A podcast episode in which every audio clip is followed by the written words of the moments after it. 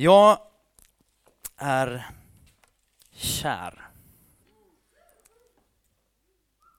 Jag har eh, flera kärlekar i mitt liv. Ehm,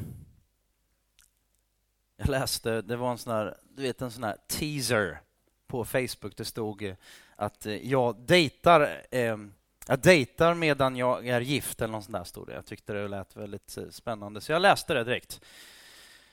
För jag vet ju vem du har skrivit av så och jag förstår att det, det var något lurigt där. Det var väldigt bra och det var ju liksom poängen var att det är klart man ska fortsätta dejta sin egen fru och inte sluta med det.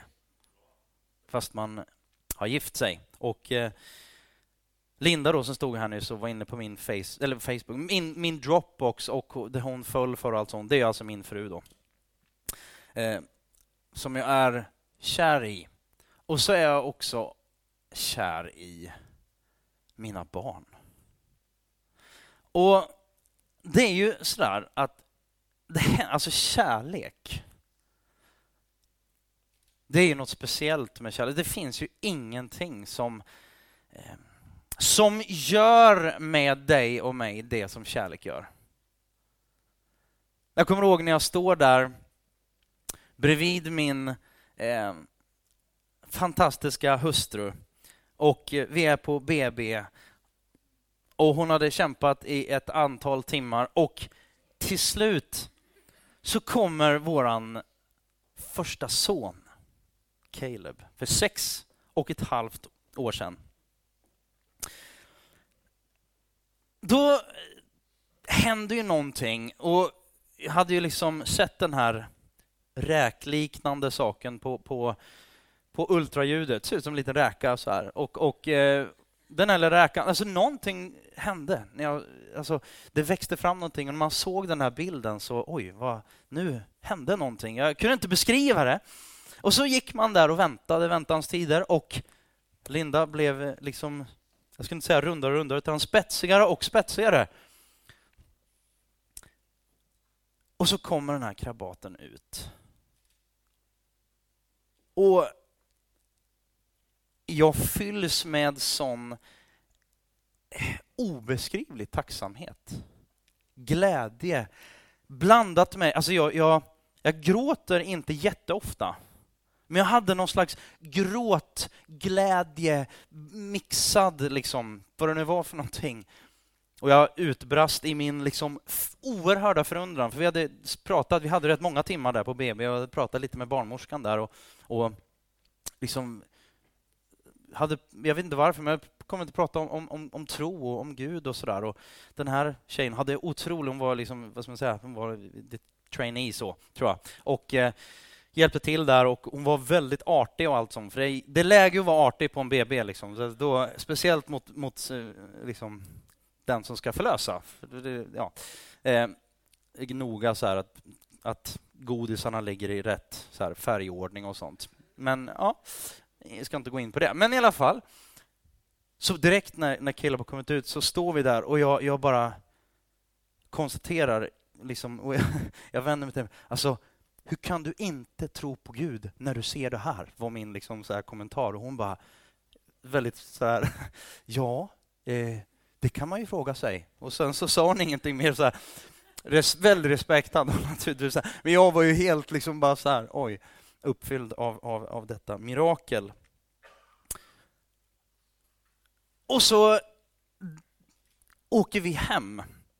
Vi kommer till BB, två personer, åker hem tre personer. Detta märkliga. Och vi, vi bara konstaterar, hur, hur, alltså folk, är de inte kloka? De, de fortsätter sina liv precis som att inget har hänt. Alltså, världen är ju förvandlad.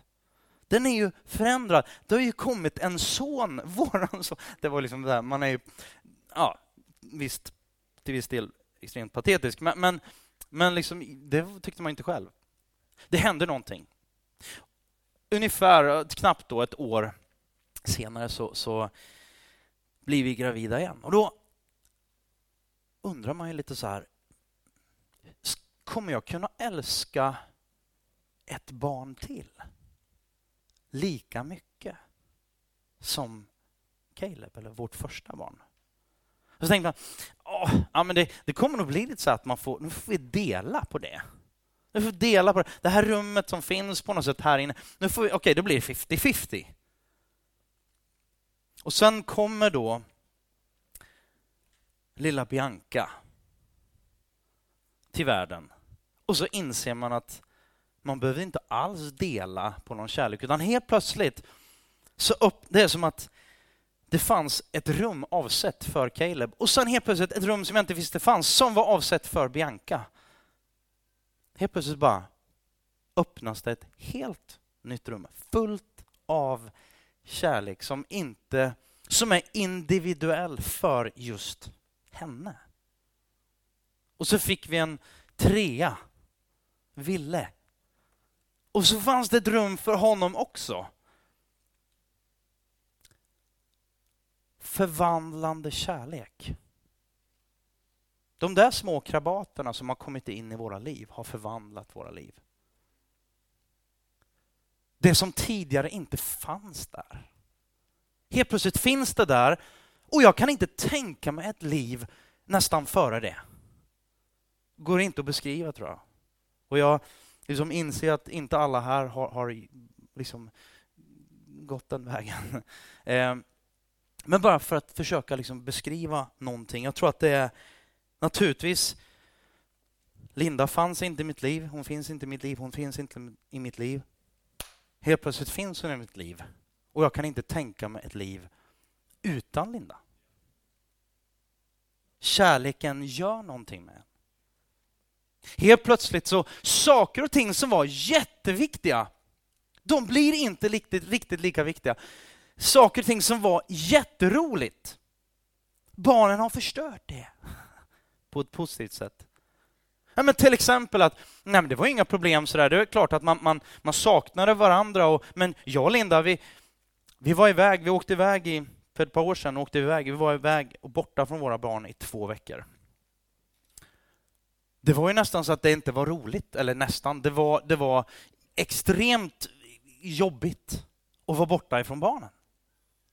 De här som tidigare inte ens fanns i våra liv. Och helt plötsligt gör de det och man klarar inte av nästan att vara borta ifrån dem, i alla fall inte en längre tid och det är definitivt inte så kul. Helt plötsligt kan jag vara uppe mitt i natten och vaka under flera timmar och närmast se det som, som självklart. Eller om det kan vara, vara jättejobbigt. En del vet vad det innebär. Jag lägger om min tid. Jag planerar mitt liv ut efter de här personerna för att jag har funnit en kärlek som påverkar mig, som förändrar mig, som faktiskt förvandlar mig på det sättet. Jag behöver anpassa mig till Caleb, Bianca och Ville. Jag vill anpassa mig för dem och efter dem. Ja, men får du inte göra de här sakerna längre? Jo, men jag vill inte längre. Därför att det är en kärlek som har träffat mig som gör att jag prioriterar dem nu. Som gör att jag inte längre vill. Vet ni, det är så fantastiskt, för den här kärleken, den kontrollerar inte mig. Men den leder mig. Extremt stor skillnad. För att jag vill. Och Sonja, våran älskade Sonja Aldén sjunger för att jag älskar. Det händer någonting när du älskar. Varför talar Bibeln och varför talar evangelium så mycket om detta? Liksom kärlek, Guds kärlek. Ty så älskade Gud världen att han gav sin enfödde son för att vi skulle ha liv. Han älskar, det händer någonting. Han älskar. Vem älskar du? Vem har kommit in i ditt liv som gör att du förändrar ditt liv? Det som du tidigare ville göra, det fanns inte i ditt liv innan. Den här personen eller den här relationen fanns inte i ditt liv innan, men nu gör den det och hela ditt liv har blivit förändrad på grund av det här. Jag vill berätta lite grann utifrån detta, jag tror det är precis, eller det är precis det här som händer just aposteln Paulus. Han hette Saulus där, vi möter honom i Apostlagärningarna. Bibelns, eller Nya Testamentets Eh, fjärde bok, eller femte bok, efter evangelierna. Och jag ska inte läsa hela det, men du kan läsa om händelsen i Apostlagärningarna 9. Saulus, han är på väg, i, när vi möter honom här i Apostlagärningarna 9, så är han på väg till en plats, en stad som heter Damaskus. Han är en oerhört skolad farisé. Eh, läser man mellan raderna så var han nog inte helt tappad bakom en vagn, utan han var ganska klyftig den killen. Han är en förhållandevis, han up and coming kan man nog se sådär. Han är up and coming i farise, fariseiska kretsar. Alltså fariseerna var de religiösa ledarna, de, det var ett politiskt parti, de hade mycket makt och han var en ganska mäktig religiös ledare. I sin övertygelse och passion, sin iver, så förföljde han kyrkan. Han förföljde alla som kallar sig för kristna han ligger till exempel bakom, vi kan läsa om det i kapitel 6, 7, 8. Han ligger till exempel bakom avrättning av den första kristna martyren Stefanos, denna Saul eller Saulus. Han var en mördare, en hård man, en lagisk man, religiös och i min värld liksom till synes befriad från mänsklig empati. Det verkar så. Men på vägen där han går eller rider, vad de nu gör för någonting, de är på väg mot Damaskus. Och han var på väg dit för att sätta kristna i fängelse. På vägen dit så blir han hejdad. Helt plötsligt så är det ett ljussken och det är ett muller och hans eh, liksom, medhjälpare, eller de som följer med honom där, de, de, de märker att det, de hör ljudet men de ser ingenting, står det. Men han ser någonting och han faller ner till marken för ett bländande ljus som hejdar honom på vägen. Och han frågar, vem är du, Herre? säger han. Han inser att det är någon där. Och då svarar den här rösten och det visar sig att det är ingen mindre än den personen som han egentligen förföljer. Och han säger, jag är Jesus Kristus, den du förföljer. Ouch! Det ingick inte riktigt i hans plan. Han är på väg att förgöra den kristna kyrkan och helt plötsligt bara smack! Whoops! Bad, liksom. Det var ingen dålig, det var dålig timing på den. Hans liv blir under de nästföljande tre dagarna fullständigt upp och nervänt.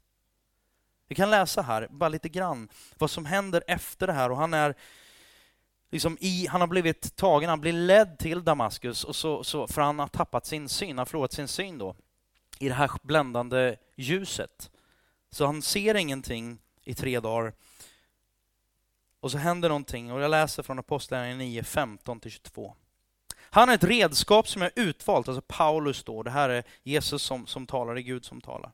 Han är ett redskap som jag utvalt för att bära fram mitt namn inför hedningar och kungar, inför Israels barn. Och jag ska själv visa honom hur mycket han måste lida för mitt namns skull.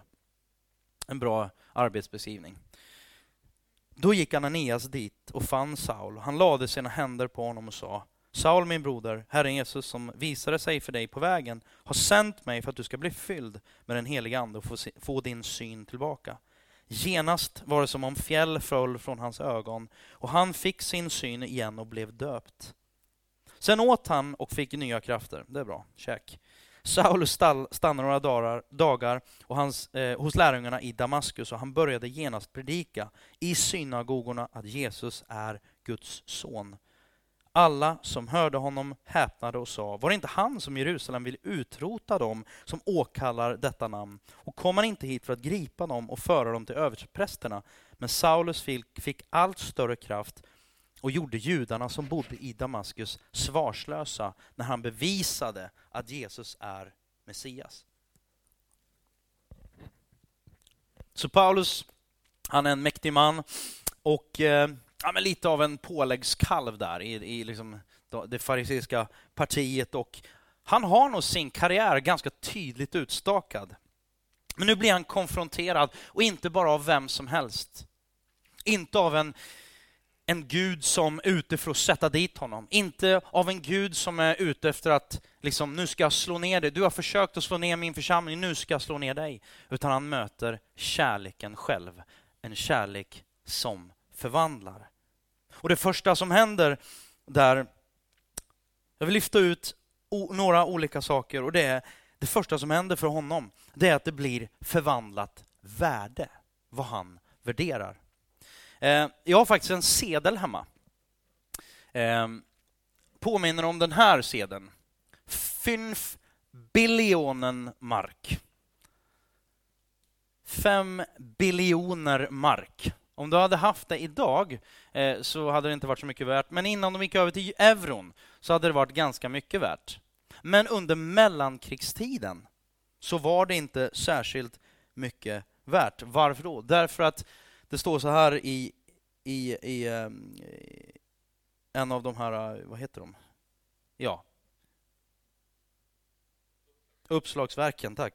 Efter första världskrigets slut tvingades Tyskland att betala skadestånd till segermakterna Frankrike, USA och Storbritannien. För att sätta, sätta press på Tyskland ockuperades man av eh, franska trupper i hela Ruhrområdet där de flesta tyska industrierna låg. Den tyska regeringen försökte kringgå problemet genom att trycka mer valuta. På grund av den skenande inflationen som uppstod blev till slut situationen ohållbar då det i slutet av 1923 gick 4 biljoner papirmark på en dollar.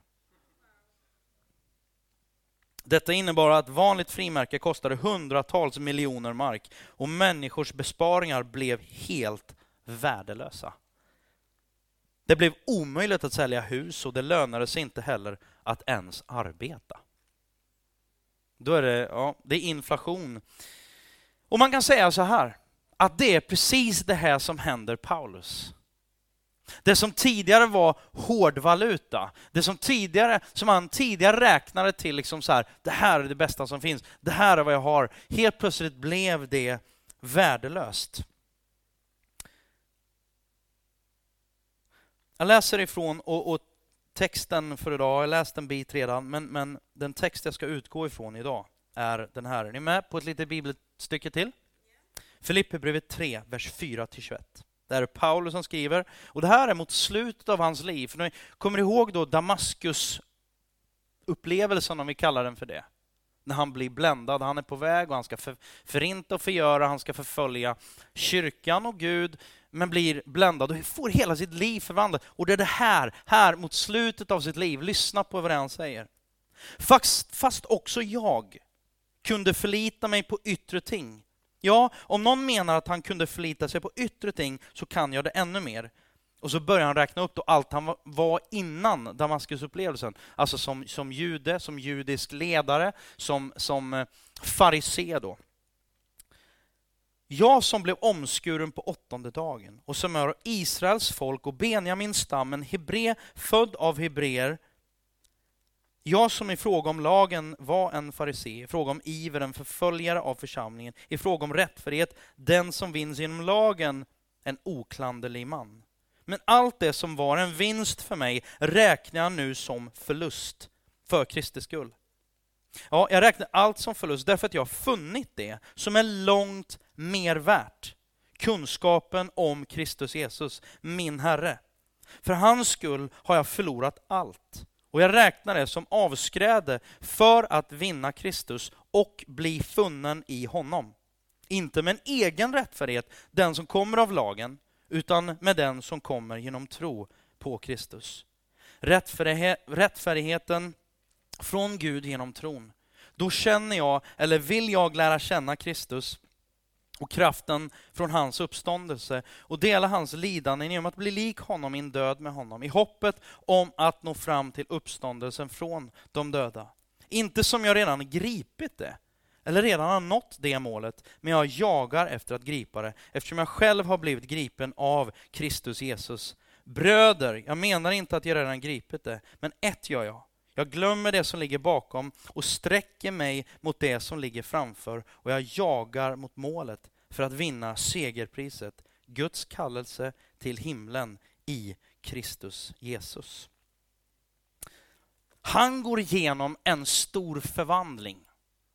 Ett förvandlande möte där han säger ja, det som tidigare var en vinst för mig räknar jag nu som förlust. I jämförelse, var det, ser han ner på det som han tidigare hade? Nej, det är inte det han vill säga tror jag. Det är precis som jag tänkte på, det är precis som att du har en, en du har köpt en, en lott. Du har en papperslapp.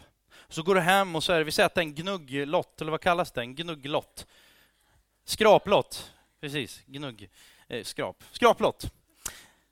Och så kommer du hem, jag köper inte så ofta sådana lotter, men, men i alla fall, kommer hem, skrapa, skrapa, och fram kommer eh, någonting. Det är tre, tre av eh, liksom, en miljard, liksom, eh, tre gånger per år eller något. Nej, men, men du får, oj, det är jättemycket. Du vinner en miljon. Eller en miljard är mer. Eh, eh en miljon är inte så mycket. Eh, en miljard. Och så ser du detta då. Tre stycken gånger står det en miljard. Bra, jag har vunnit en miljard. Du blir liksom så här, du är lite svensk, passionerad. Bara, ja, vad glad jag är. Jag är jätteglad. Och eh, då vet du att du måste gå till, vi säger att det något, det spelbolaget som har sålt den. här. Du ska gå dit och casha in det här. Och så bara, tänk om du skulle bara, nej men jag vill inte släppa ifrån den här lappen. Alltså den är ju jättefin. Den är ju liksom gul och grön och lite blå där och lite guld också. Den var jättefin. Synd att jag skrapat på den bara. Nej, jag vill inte lämna ifrån mig den här. Vem skulle säga att det är en galning du pratar med? Eller hur? Grejen är ju, Hallå, du har ju missat hela poängen. Det är ju inte den där lappen som är det viktiga. Det är ju inte den här lotten som är det stora, utan det är det som finns bakom. Lämna in den, så kommer du få något mycket, mycket mer. Bibeln säger förlora ditt liv. Våga förlora, våga släppa taget. Vad betyder det? Alltså bara våga släppa, nu säger jag det här jobbiga, kontrollen. Nej, men jag vill ju ha kontroll! Jag vill veta allt. Jag vill kunna veta om jag, liksom, vad jag kommer efter, efter livet, om det nu finns något liv efter detta. Och, och liksom, jag vill ha kontroll, jag vill kunna förtjäna och så en massa saker. Det är bara det att Bibeln säger att du kan inte förtjäna det. Utan du måste casha in, du måste lämna ifrån dig på det sättet ditt liv. Ditt gamla liv för att få någonting annat, något väldigt mycket bättre. Paulus säger att det hade tidigare. Jämfört med att lära känna Gud och Kristus så är det så, det är så lite värt. Vi pratar om reformation. Vi kommer att prata om det här lite leksamma ordet reformation till mission har vi slått ihop till reformation. Någon kanske har hört om Martin Luther på 1500-talet, reformationen och göra liksom det man ville göra, Bibeln. Och han hade en passion att göra Bibeln tillgänglig för vanligt folk. Bibeln fanns bara tillgänglig på latin. Det var liksom 2% av Tysklands befolkning och befolkningen i Europa som kunde latin. Alltså var det 2% som kunde tillförsko sig själva Bibeln och Guds ord. Han började att översätta med livet som insats faktiskt, för att de mäktiga eh, kyrkliga ledarna, och religiösa ledarna, de ville inte att han skulle översätta, därför att då skulle ju Bibeln komma rakt i händerna på, en van, på vanliga bönder, på vanliga liksom, tyskar och europeer. Och grejen var att de religiösa ledarna, de hade börjat utnyttja sin maktposition och göra en massa saker bara för att Ja, de visste ju att folk visste ju bara det de sa till dem, de kunde inte läsa själva. Han gjorde en reformation, hela kyrkan behövde en förnyelse. Och tittar man tillbaka i historien, Gamla testamentet, Israels folk, jag ska inte dra hela historien, men, men om man tittar tillbaka så ser man liksom det har pendlat mellan vad man nu kallar då, liksom andligt förfall och så någon reformation och så har det blivit förfall igen och så är det reformation igen och så är det förfall och så är det och jag tror, ska man, jag behöver inte gå till kyrkohistorien, jag behöver inte gå till Gamla Testamentet, det räcker med att gå till mitt eget liv. Alltså jag behöver, jag behöver en reformation. Jag behöver förnyas. Jag vet inte hur många av er som, som känner att ni alltid är på topp. Ni bara yes, går alltid i rätt riktning, gör aldrig fel. När ni vaknar upp så bara woo! Det är inte jag i alla fall. Det, det, är, liksom, det, det är märkligt. Men det är extremt lätt att gå fel och väldigt svårt att, att, att, att gå rätt. Det är någon som nickar, kul. Mm. Annars är ni väldigt svenska. Jag tycker det är bra. Inte Karina där. Men. Kyrkan behöver lära sig. Och jag, för det är jag som är kyrkan, tillsammans med dig. Tillsammans med dig som kallar dig för troner. Det är vi som är kyrkan. Den senaste tiden i United har vi pratat ganska mycket om, och utifrån bland annat Johannes evangelium. Johannes evangelium kapitel 1, vers 14. Någon kanske har hört det tidigare. Så Gud blev människa och flyttade in i kvarteret där vi bor.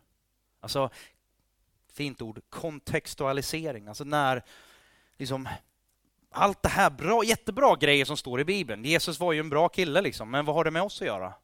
Precis. Måndag, tisdag, som Linda pratade om. Vi är jätteglada för gudstjänsten. Men det är ju liksom en och en halv timme av veckans alla timmar. Vi tror ju, vi vill ha en kyrka som, som funkar i vardagen. Vi vill bygga en kyrka som, ja, som verkligen funkar 24-7. Som funkar med blöjbyte, med, med jobb, med studier. Men vi vill inte bara bygga en kyrka med verksamhet, vare sig det är jobb, eh, liksom gudstjänst och, och det vi kallar för connect, smågrupper och gemenskap under veckan. Allt det där, allt är bra. Bön och bibel, allt det där. Men vet du vad vi vill ha? Vi vill ha förvandlande kärlek. Ingenting ska ske i det kristna livet utom det som sker utifrån en vilja och en kärlek, en respons. Det är min bön för det här kommande året.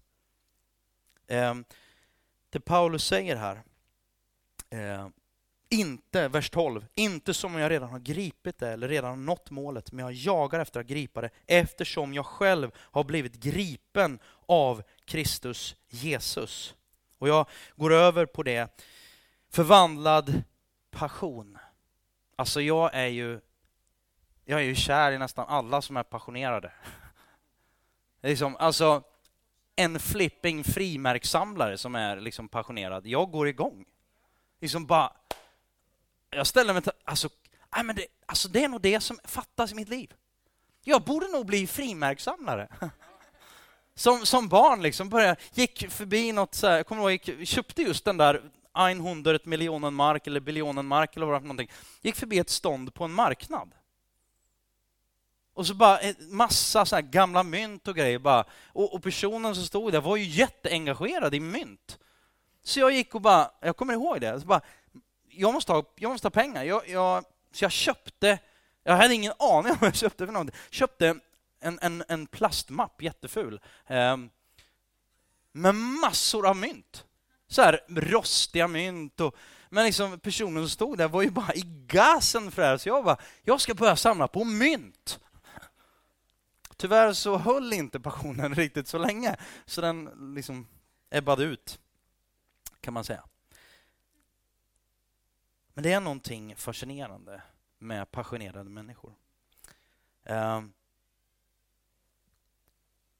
jag såg, jag måste berätta det också. Jag såg ju Nisse Landgren. Hur många vet, eller är det någon som vet vem Nisse Landgren är? Ja men snälla, underbart. Han har ju jag hoppas och tror att han fortfarande har det. En röd Yamaha-trombon. När jag såg honom tillsammans, eh, inte tillsammans med, men, men också min söndagsskolelärare som spelade trombon. Vad hände i mitt lilla barnahjärta? Jo, jag ville börja spela trombon. Så jag började spela trombon och jag tror att jag fortfarande kan spela Oh when the Saints go marching in. Men passionen. Det hände någonting. Mamma och pappa, de bara yes, han vill lära sig spela trombon. Vad gör man då? Jo, då går man till ABF. Jag skulle bara, jag ska inte säga något, utan jag bara konstaterar att när jag kommer dit så hade den läraren Kommer faktiskt inte ihåg om det var en man eller kvinna. Jag har förträngt det av förklarliga skäl som kommer alldeles strax. Kommer dit och så bara, jag vill lära mig trombon. De bara, vad kul. Här får du en blockflöjt. Bara, Alltså, är du dum i huvudet? Vem, alltså vilken ung kille som vill lära sig spela en röd Yamaha-trombon vill börja med blockflöjt? Alltså det är inte coolt, kan jag säga. Det är inte roligt. Så där försvann min trombonkarriär, kan jag säga. I... Alltså, där försvann passionen på något sätt. Och vet ni, att dra en liten taskig parallell här nu då. Jag tror att väldigt många kristna, väldigt många, kanske inte som, som inte kallar sig kristna, som, som på något sätt bara, nej men vad, vad, det finns någonting. Jag tror på någonting, men jag vet inte vad jag ska tro på. Jag tror att många har fått den där flipping flöjten i käften istället för att få spela trombon. De har alltså inte the real deal, utan det är en massa Fejkgrejer. Vi har massa verksamhet för oss. Nej, men du får inte göra det här, du måste göra det där. Du måste bete dig så här, så måste du se så här ut när du, när du kommer till kyrkan. Nu överdriver jag lite grann. Tyvärr i vissa fall inte alls. Men grejen är den att det handlar ju inte om det. Det handlar om, gå tillbaka till första punkten, förvandlande kärlek. Det är vad kyrka handlar om. Det är ju faktiskt vad Bibeln handlar om. Inte om måsten hit och dit och Nej, men får du inte längre åka på jorden runt-resa i sex månader utan dina barn och, och, och, din fru? Nej, förmodligen inte. Eller jag skulle med blåöga som liksom, konsekvens kanske göra det ändå. Men, men liksom, förstår du? Jag vill inte det. Jag vill göra det, i så fall vill jag göra det med min familj. Och med er alla, eftersom ni är min familj också. Så vi bara drar iväg. Helt plötsligt blir Paulus gripen, säger han. Det händer någonting. Det här ordet gripen i vers 12, det är faktiskt ordet arresterad. Han blir fångad. Han kommer inte därifrån och han vill inte komma därifrån heller. Gud vill ha honom. Gud vill ha dig. Och Det står så här att på gång på gång på gång så förstår man vad Gud vill Gud är också passionerad. Gud är passionerad och han vill att du ska ha ögon för honom. Han vill att du ska tillbe det här ordet. Tillbe honom. Be till, tillbe, tillägna, ägna dig, vara helhjärtat inställd och vända dig mot honom. Du och jag är passionerade. Vi är ju alla passionerade att bli tillfredsställda. Eller hur? Vi vill bli tillfredsställda. Det är inget fel med det. Det är bara lite fel ibland på hur vi söker bli tillfredsställda. Och då tänker man ju så här, nej men är inte det en konflikt då? Om Gud vill att vi ska tillbe honom och vi söker att bli tillfredsställda, inte det en konflikt? Nej, han vet hur vi funkar. Inte bara vet hur vi funkar, utan det är han som har skapat oss så att vi funkar som vi gör. Jag tror, och min djupa övertygelse är följande. Först när vi grips, har vi det? Först när vi grips av och ser Guds kärleksfulla nåd och härlighet, så som den visar sig genom Bibeln, kommer vi att finna den djupaste lycka och tillfredsställelse som en människa någonsin kan finna. För det är därför vi är skapade. Då, och endast då, blir Gud ditt och mitt centrum, din källa och får all din ära. Och då kommer världen att se och tillbe honom. Guds passion att bli tillbedd och min passion att bli tillfredsställd är i detta förenade. Och då tänker man så här, men Gud vill bli, bli tillbedd och, och, och liksom är han bara är han självisk? Han skapa oss för att liksom, vi skulle tillbe honom för att han är osäker? Eller vad, vad, är, vad är grejen? Vad ska han ha så mycket ära för? Märkligt, kan man ju tycka. Vet du, han är fullständigt hel i sig själv. Komplett. Behöver ingenting från dig och mig. Däremot vet han vad som är bäst för oss. En förälder med ett nyfött barn. Ja, men varför tar du hand om barnet så mycket? Varför vill du att barnet ska komma till dig så mycket? Är du sjuk eller? Ja, det är kärlekssjuk. Men jag är också av kärlek väldigt mån om att det här barnet ska komma nära mig. En väldigt tafflande bild, jag vet, men vi har en Gud som älskar oss. Och han älskade oss först innan vi började ens söka. Psalm 62, vers 69. Det finns ju rätt många psalmer, så jag ska bara läsa några stycken. Nej, jag ska inte läsa så jättemånga. Men det står så här, 69, vers, eh, kapitel 62, eller psalm 62. Endast i Gud har du din ro, min själ. Det är så intressant. Salmisten, det är som att han talar till sin egen själ. Jag vet inte, det har jag gjort ibland. Jag har fått ta några av de här, man känner bara, man är, det, det, det är stormigt och det är liksom, man undrar vad är upp, vad är ner, vad, vad, vad är det som händer i livet? Ibland så har det varit oerhört skönt att ta de här salmerna och göra det till sin egen bön. Endast i Gud har du din ro, min själ. Från honom kommer ditt hopp. Endast han är min klippa, min frälsning, min borg. Jag ska inte vackla. Hos Gud är min frälsning och min ära, min starka klippa. Min tillflykt har jag i Gud. Förtrösta alltid på honom, du folk. Utgjut era hjärtan för honom. Gud är vår tillflykt. Jag vet inte, när du läser det, men jag tycker det här är vackert. Och inte bara vackert, utan tänk om det är sant. Tänk om det är sant att han är vår tillflykt. Tänk om livet är större än det vi äger, har och kan tänka och förklara hela tiden.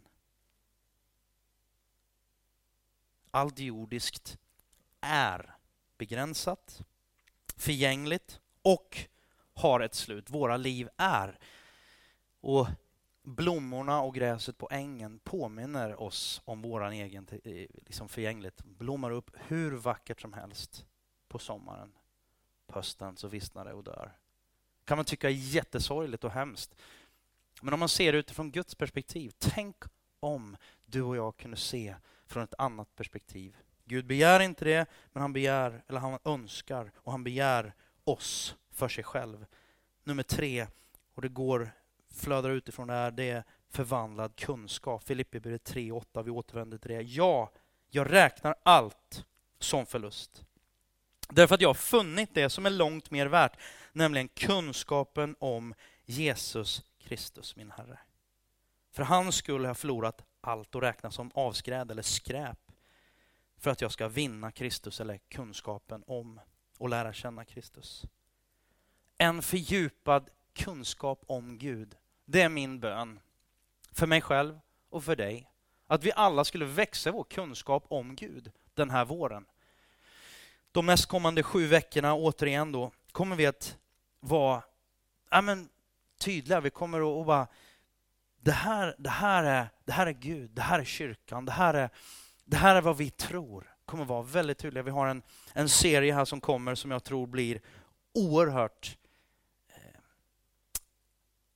Den kommer hjälpa oss och jag har hopp och tro att den kommer hjälpa oss väldigt mycket att bygga solid grund.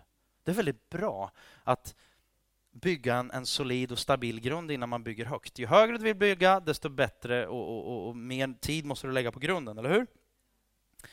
Johannes evangeliet 17 och 3. Är det okej okay att vi kör lite bibelord sådär? Detta är det eviga livet, att de känner dig. Och det är Jesus som, som säger själv då. Den enda sanna guden och honom som du har sänt, Jesus Kristus. Eh, men eh, Bibeln man tar liksom Ta inte Bibeln för givet. Som jag sa om Martin Luther på 1500-talet, då fanns inte Bibeln tillgänglig för vanligt folk. Nu finns den i mobilen, i iPad, i, liksom, i molnet, i, liksom, i solen. Alltså den finns ju överallt. Det är bara, det är bara att logga in. Vi behöver återupptäcka, återvända, återerövra eh, Och jag hoppas att vi skulle ha, och att det skulle födas en, en ny hunger i oss.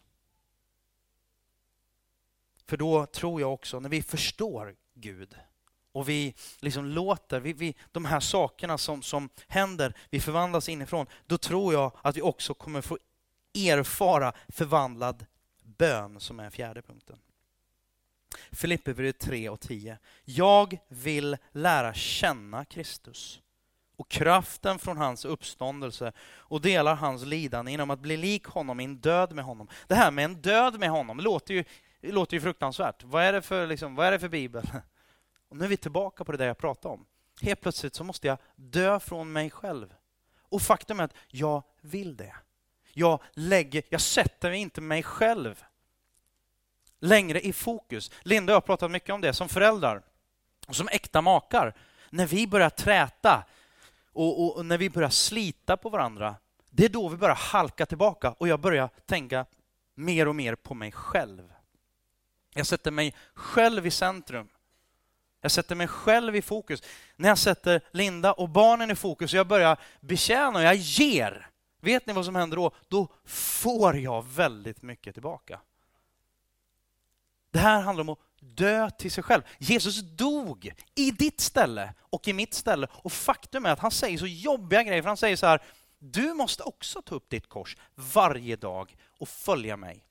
Eller rättare sagt, fel av mig. Han sa inte att du måste, han sa att om du vill följa mig, då måste du ta upp ditt kors. För du måste inte följa honom. Det är inget krav, utan det är en respons på hans kärlek. Det är bara fri vilja på det sättet, eller en, en önskad, en respons. Det är inget tvång på det sättet. Bön, det innebär så mycket och det ligger så mycket i det ordet. Och det ligger olika saker. Jag gissar att för oss som är här inne bara innebär det liksom ungefär lika många olika saker som vi är personer representerade här. Efter alla hundratals samtal som jag har haft med människor och funderingar själv så inser jag att det kan vara oerhört dubbelt. Å ena sidan är det någonting som man önskar göra mer, som man längtar efter. Å andra sidan, på andra sidan myntet, så är det förknippat med sån ångest. Och sån kamp och kanske till och med fördömelse och allt möjligt. Bön dåligt samvete. Andra har en dubbel syn på grund av att man har bett. Och man bad för den där personen som står, kanske en familjemedlem. Och man bad och jag fick inte det bönesvaret. Det uteblev och den här personen gick förlorad, dog av sjukdom.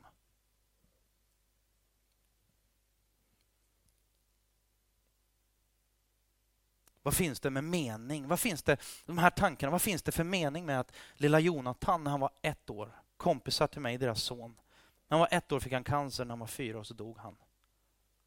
Vad finns det för mening? Vi bad ju, Gud, jag ger dig fingret Gud.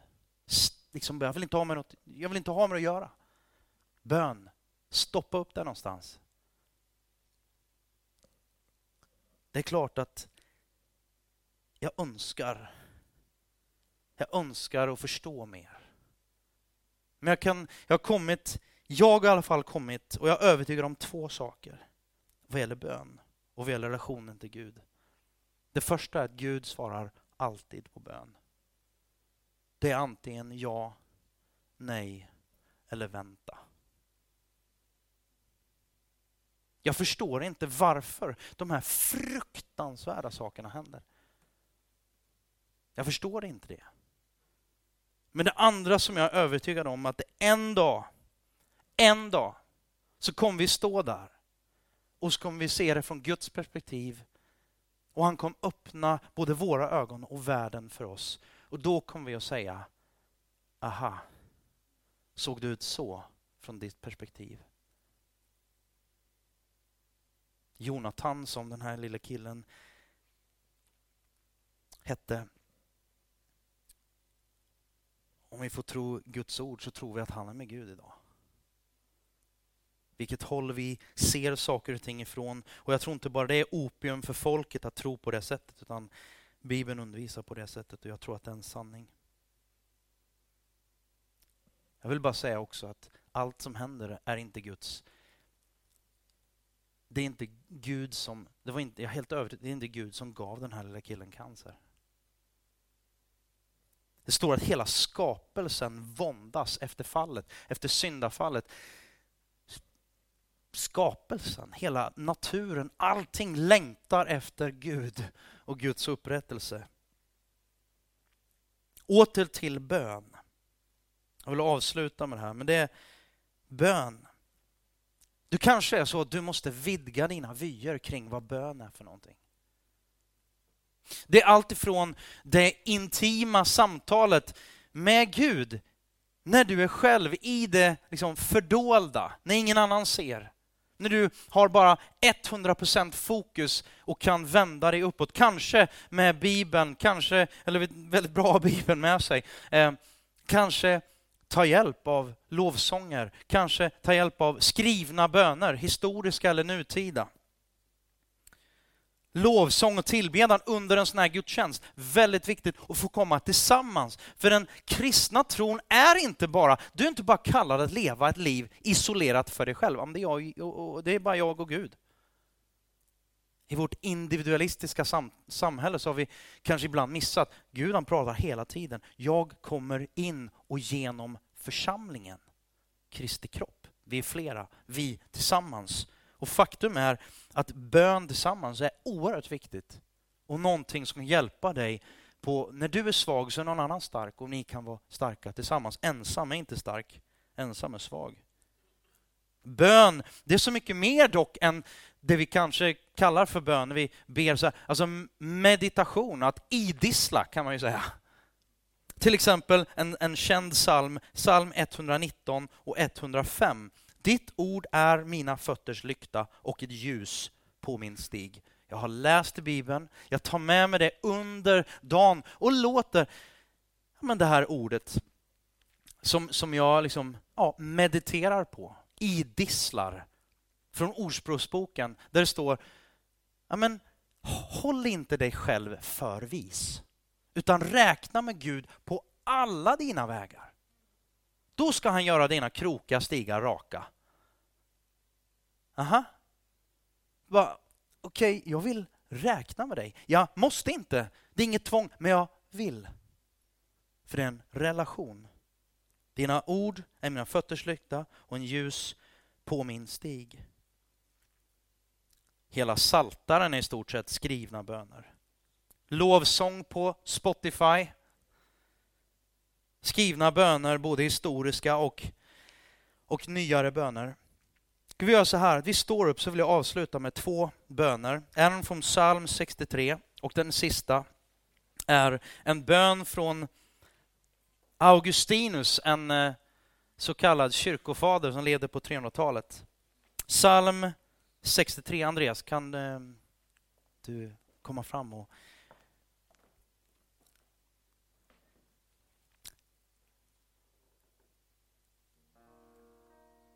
Ska vi göra så här att vi, vi läser det här tillsammans? Eller de som vill. Vill du inte så är det helt okej. Okay. Men eh, ska vi läsa tillsammans? Gud, du är min Gud. Tidigt om morgonen söker jag dig. Min själ törstar efter dig. Min kropp längtar efter dig i ett torrt land som försmäktar utan vatten.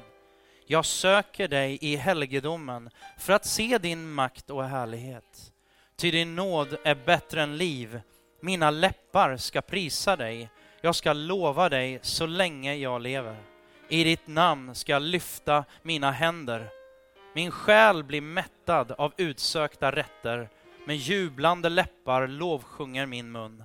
När jag kommer ihåg dig på min bädd och tänker på dig under nattens timmar, ty du är min hjälp under dina vingars skugga jublar jag.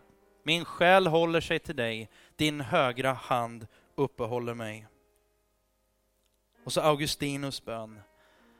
Allsmäktige Gud, du har sån omsorg om var och en av oss. Jag ser att alla ting förgår och andra kommer i deras ställe. Men du förgås aldrig, min Gud och Fader.